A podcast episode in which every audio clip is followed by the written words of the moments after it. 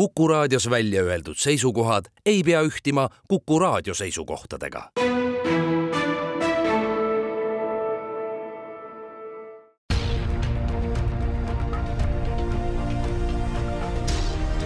uue samba taga. sammaste taha aitab vaadata sajaaastane eestikeelne rahvusülikool tere, tänane saade tuleb eesti keele kui teise keele õpetajate koolitamisest ning selgitusi on tulnud jagama kaasprofessor Mare Kitsnik, juttu veab Madis Ligi. kuna üleminek eestikeelsele õppele seisab nüüd ees, siis äh, teie valdkonna inimestel on ju järjest enam tööd. tere, tõesti, see nii on. no ma ütleksin muidugi, et eesti keel teise keelena on olnud ikka aastakümneid populaarne ja ise ma olen selles vallas tegelenud ka juba päris kaua, aga loomulikult praegu ma arvan, ta on jõudnud võib-olla kõigi inimeste teadvusse järjest rohkem seoses eriti üleminekuga eestikeelsele õppele, nii et jah, et ma tunnen küll, et ega meid nagu tööpuudus ei ähvarda, aga pigem siis vastupidi, et kuidas me suudame nii kiiresti ka valmistada ette õpetajaid kes siis suudaksid ka selle ülemineku väga hästi läbi viia. Teil on vaja kaadrit koolitada nii lasteaedade kui koolide jaoks ja loomulikult panna kõigepealt paika need programmid, mis alusel seda teha. jah, no loomulikult see õpe käib ju ka praegu äh, kõrgkoolides, et mina töötan praegu Tartu Ülikooli Narva kolledžis, aga siis õpetatakse tulevasi õpetajaid nii Tartus, Äh, Tallinnas kui Narvas ja programmid on meil ka praegu olemas, aga meil ongi just käimas ka programmide arendus. just siis mina tegelen äh, põhiliselt kooliõpetajate äh, väljaõppeprogrammidega, kes õpivad eesti keele kui teise keele õpetajaks, siis nad õpivad kaks aastat magistriõppes ning alustavad nad siis nii-öelda üldteadmiste omandamisega? Nad võivad siis jah, enne omandada bakalaureusekraadi, mis Narvas on ka keeled ja mitmekeelsus koolis aga nad võivad siis õppida enne ka midagi muud ja näiteks praegu sellel aastal on meil nüüd poole rohkem, võtsime vastu neid tulevasi õpetajaid just sellepärast, et riiklik tellimus kasvas, kuna õpetajaid on nii vaja, me võtsime vastu nelikümmend. Eesti keele õpetajat, muidu on kakskümmend ja siis nendest neljakümnest umbes pooled on need, kellel on eelnev mingi filoloogiline taust ja pooled on need, kellel ei ole. Et siis nad läbivad praegu eraldi veel sellise filoloogilise lisamooduli.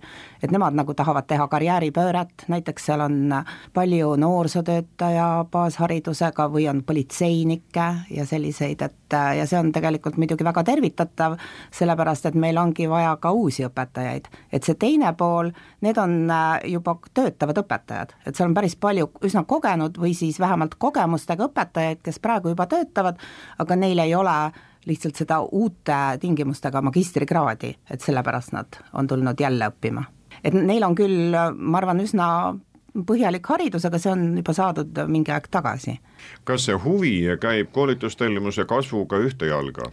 võiks öelda küll, et sellel aastal ma ise siis olin ka vastuvõtukomisjonis ja meil oli umbes kaks inimest kohale konkurss, et konkurss oli täiesti korralik me ikkagi saime inimesi valida, me ei võtnud kõiki vastu. kas enamasti on siis eesti keele baasil või on ka näiteks need, kelle emakeel on vene keel olnud, ehk milline on see kontingent? oli sellel aastal igal juhul väga hea mulje jätsid need kandidaadid ja eriti siis need, kes sisse said, on ikkagi tegelikult üsna tugevad tunduvad. Ja umbes pooled on eesti emakeelega ja siis, siis teine pool on, kellel on siis eesti keel teise keelena või nad on kakskeelsed, et seda piiri on ka raske tõmmata, mõned inimesed on kakskeelsed, kelle, kes valdavad nii eesti kui vene keelt nagu võrdselt.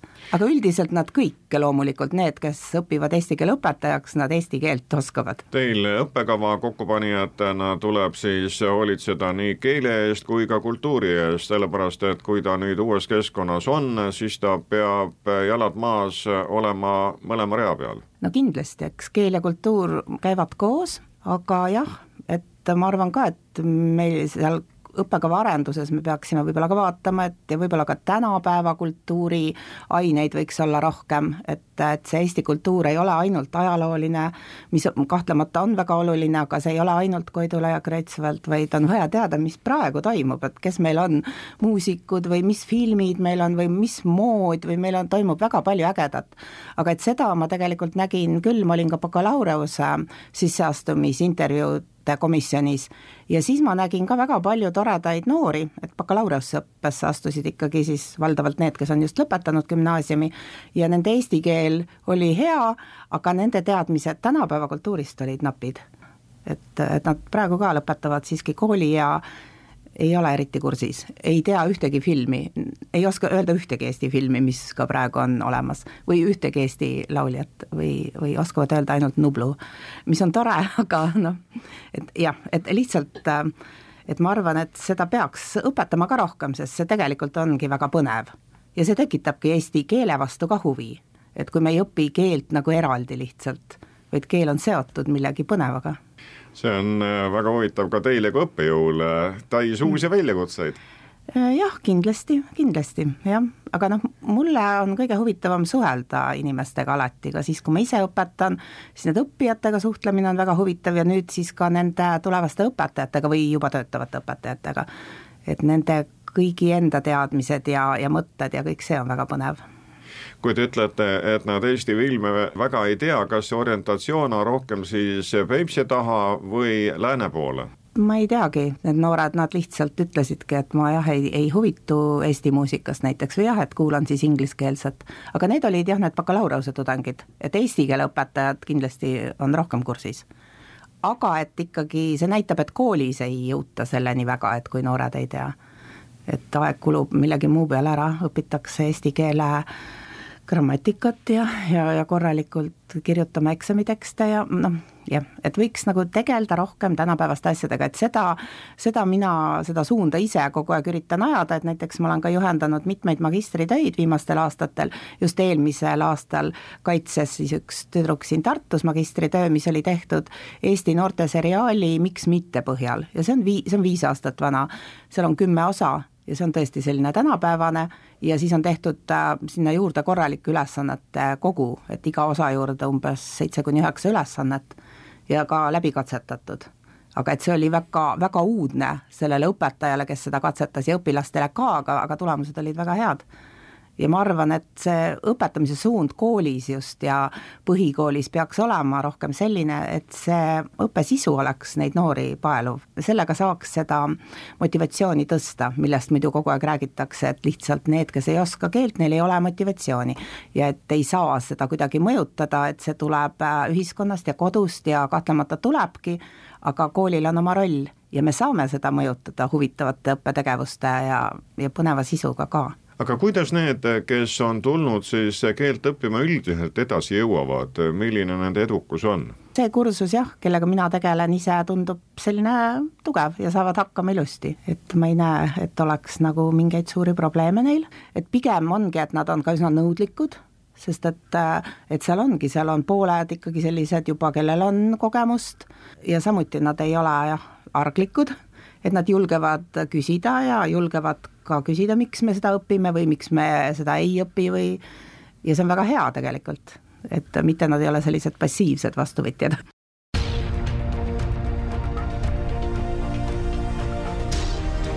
uue samba taga.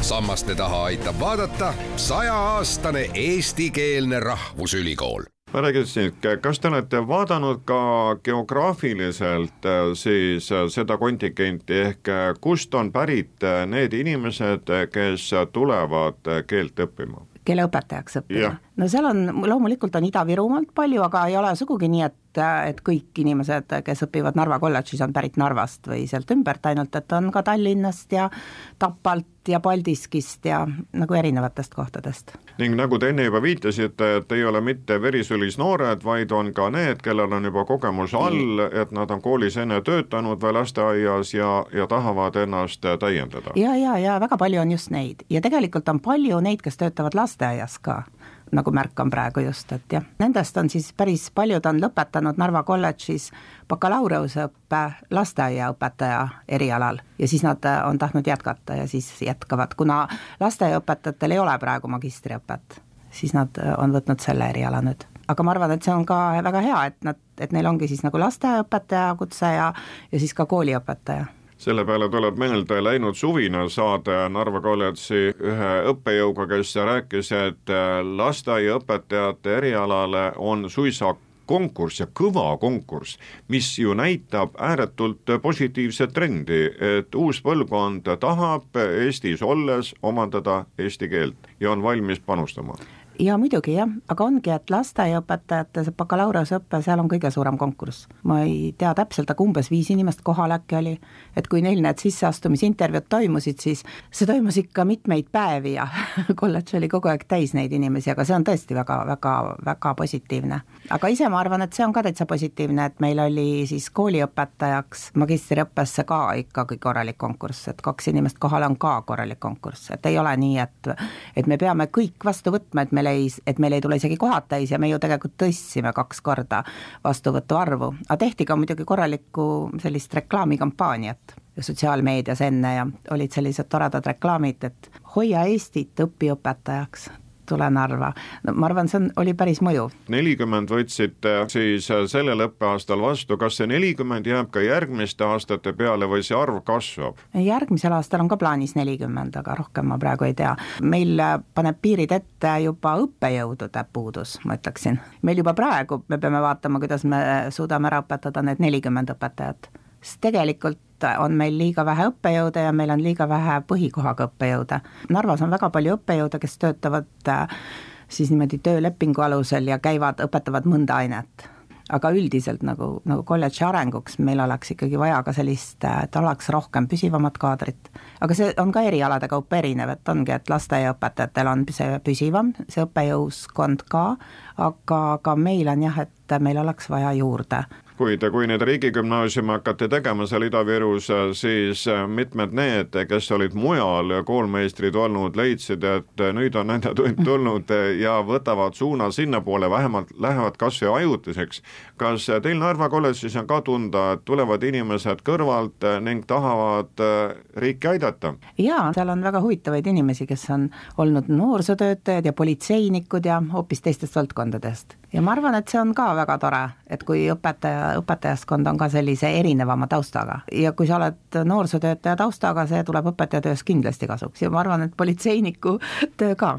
Igal juhul need inimesed tunduvad väga sobivad küll sellele erialale. statsionaarse õppe juurest jõuame siis ka mikrokraadi programmini, ka see on teil ellu kutsutud ikka selleks, et neid pedagooge rohkem oleks jaa, aga nüüd see mikrokraad on Tartus, on siis äh, täiskasvanute koolitaja mikrokraad, millega ma ise olen ka tegelenud, kui ma siis Tartus olin veel. jah, et see on nagu teist aastat praegu, nüüd äh, lõpetasidki siis teine lend, võiks nii öelda, ja nüüd tuleb millalgi nendega kohtumine, kuhu ma ka lähen, aga et mina praegu nagu ei tea nende tagasisidet, sest ma juba olen olnud ära viimane aasta Tartust. aga ma õpetasin neid alguses, jah. ja see mikrokraad on omamoodi selline huvitav asi, et äh, selle vastu on, on huvi täiesti ja ka sinna tu-, kandideerivad ja tulevad äh, väga huvitavad inimesed, et sinna tulevad ka erineva taustaga kuigi nüüd see viimane aasta, siis oli, seal oli eesti keele kui emakeele õpetaja taustaga mitu inimest ja üks nendest läks ka Narva tööle. ma ei mäletagi, kust ta tegelikult pärit oli, kindlasti mitte Ida-Virumaalt, aga ta oligi noor ja eestlane ja ta läks sinna Narva riigigümnaasiumis, ta töötab nüüd. ja siis olid ka mingid, mingite teiste erialade inimesed aga jah, et see mikrokraad on ikkagi, ta on selline lühike, noh, no ta peabki nagu olema lühike, aga peab nagu mõtlema, et kuidas teda võib-olla veel paremini teha, et ta annaks siis nagu kompaktsema väljaõppe. kuna ta ongi ju niimoodi välja mõeldud, et, et peaks kasutama neid aineid, mis, mis meil on olemas juba ülikoolis, ja et siis nendest kombineerima, et sinna ei saa eriti teha nagu uusi aineid, siis võib-olla on tegelikult nii, et võib-olla on midagi, mis oleks neile veel vaja, aga, aga lihtsalt sellist ainet ei ole. just eriti, kui nad ei ole selle taustaga inimesed. kas te olete rakendanud ennast ja oma kolleege ka selleks, et igasuguste kursuste ja suvekoolituste läbi siis äh, teavet ja kogemust jagada, külvata? jaa, ikka, jah, et on siin Tartus meil oli, jällegi oli keelefirmade õpetajatel oli sellised pikad koolitused, kus käis läbi tõesti sadu, sadu õpetajaid ja need olid sellised efektiivsed ja populaarsed ja ise ma õpetasin ka seal. ja, ja ikka kutsutakse ja, ja korraldatakse, et kui aega on ja jõudu ja ja no näiteks uusi õppematerjale, kui koostame, siis me teeme koolitusi jällegi, võiks rohkem teha tegelikult, aga jah, et siis kindlasti teeme, sest ma arvan, et õppematerjali arendamine on ka minu enda südameasi kindlasti. Et kuigi ka öeldakse vahepeal, et ega õpik ei õpeta ja et ei, me ei pea õpikut õpetama, vaid õpi, õppijat, mis on kahtlemata väga õige, aga hea õpik ikkagi väga toetab õpetajat ja ta toetab algajat õpetajat eriti. noh, ka mitte kas õpik või noh, tänapäeval on võib-olla sellisem äh, õppekomplekt, niisugune, ta ei ole mitte enam ainult klassikaline õpik, vaid ta on osamaterjali elektrooniline ja nii edasi, aga aga ikkagi jah, et ma näen ise seda küll, kuidas, kuidas hea õpik annab algajale õpe, õpetajale tuge.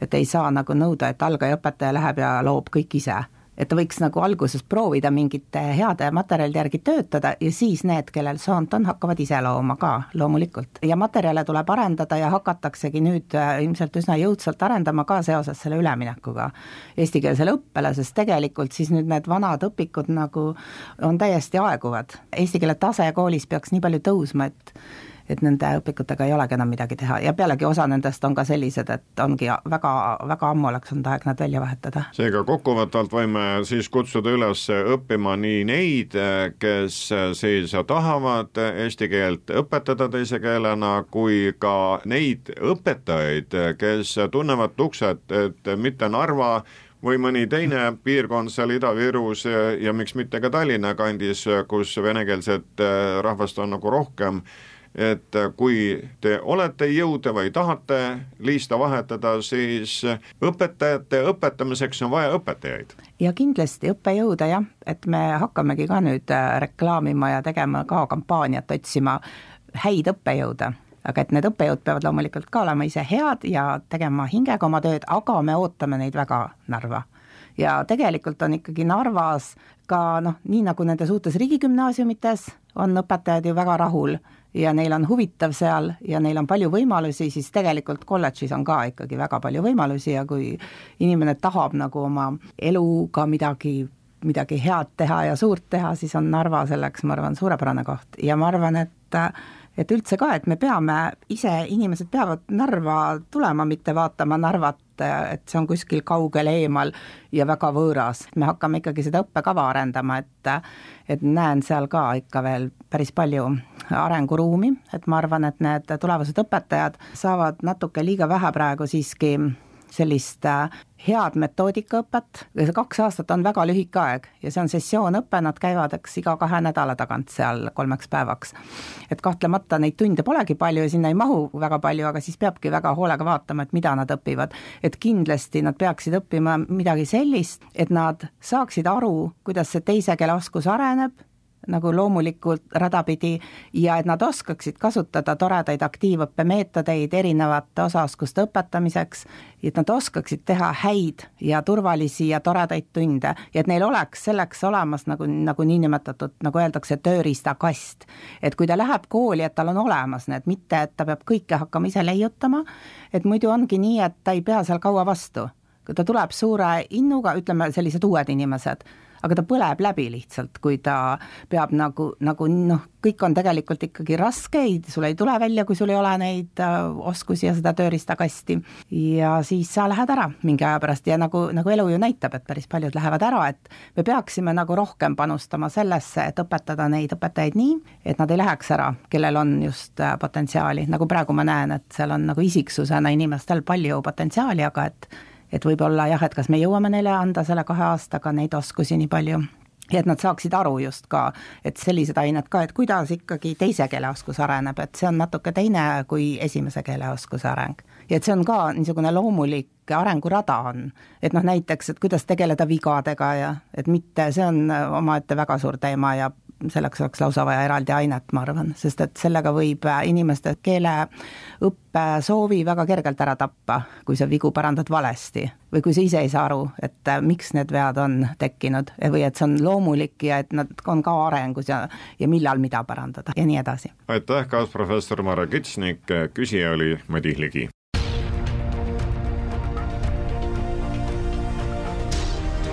uue samba taga sammaste taha aitab vaadata sajaaastane eestikeelne rahvusülikool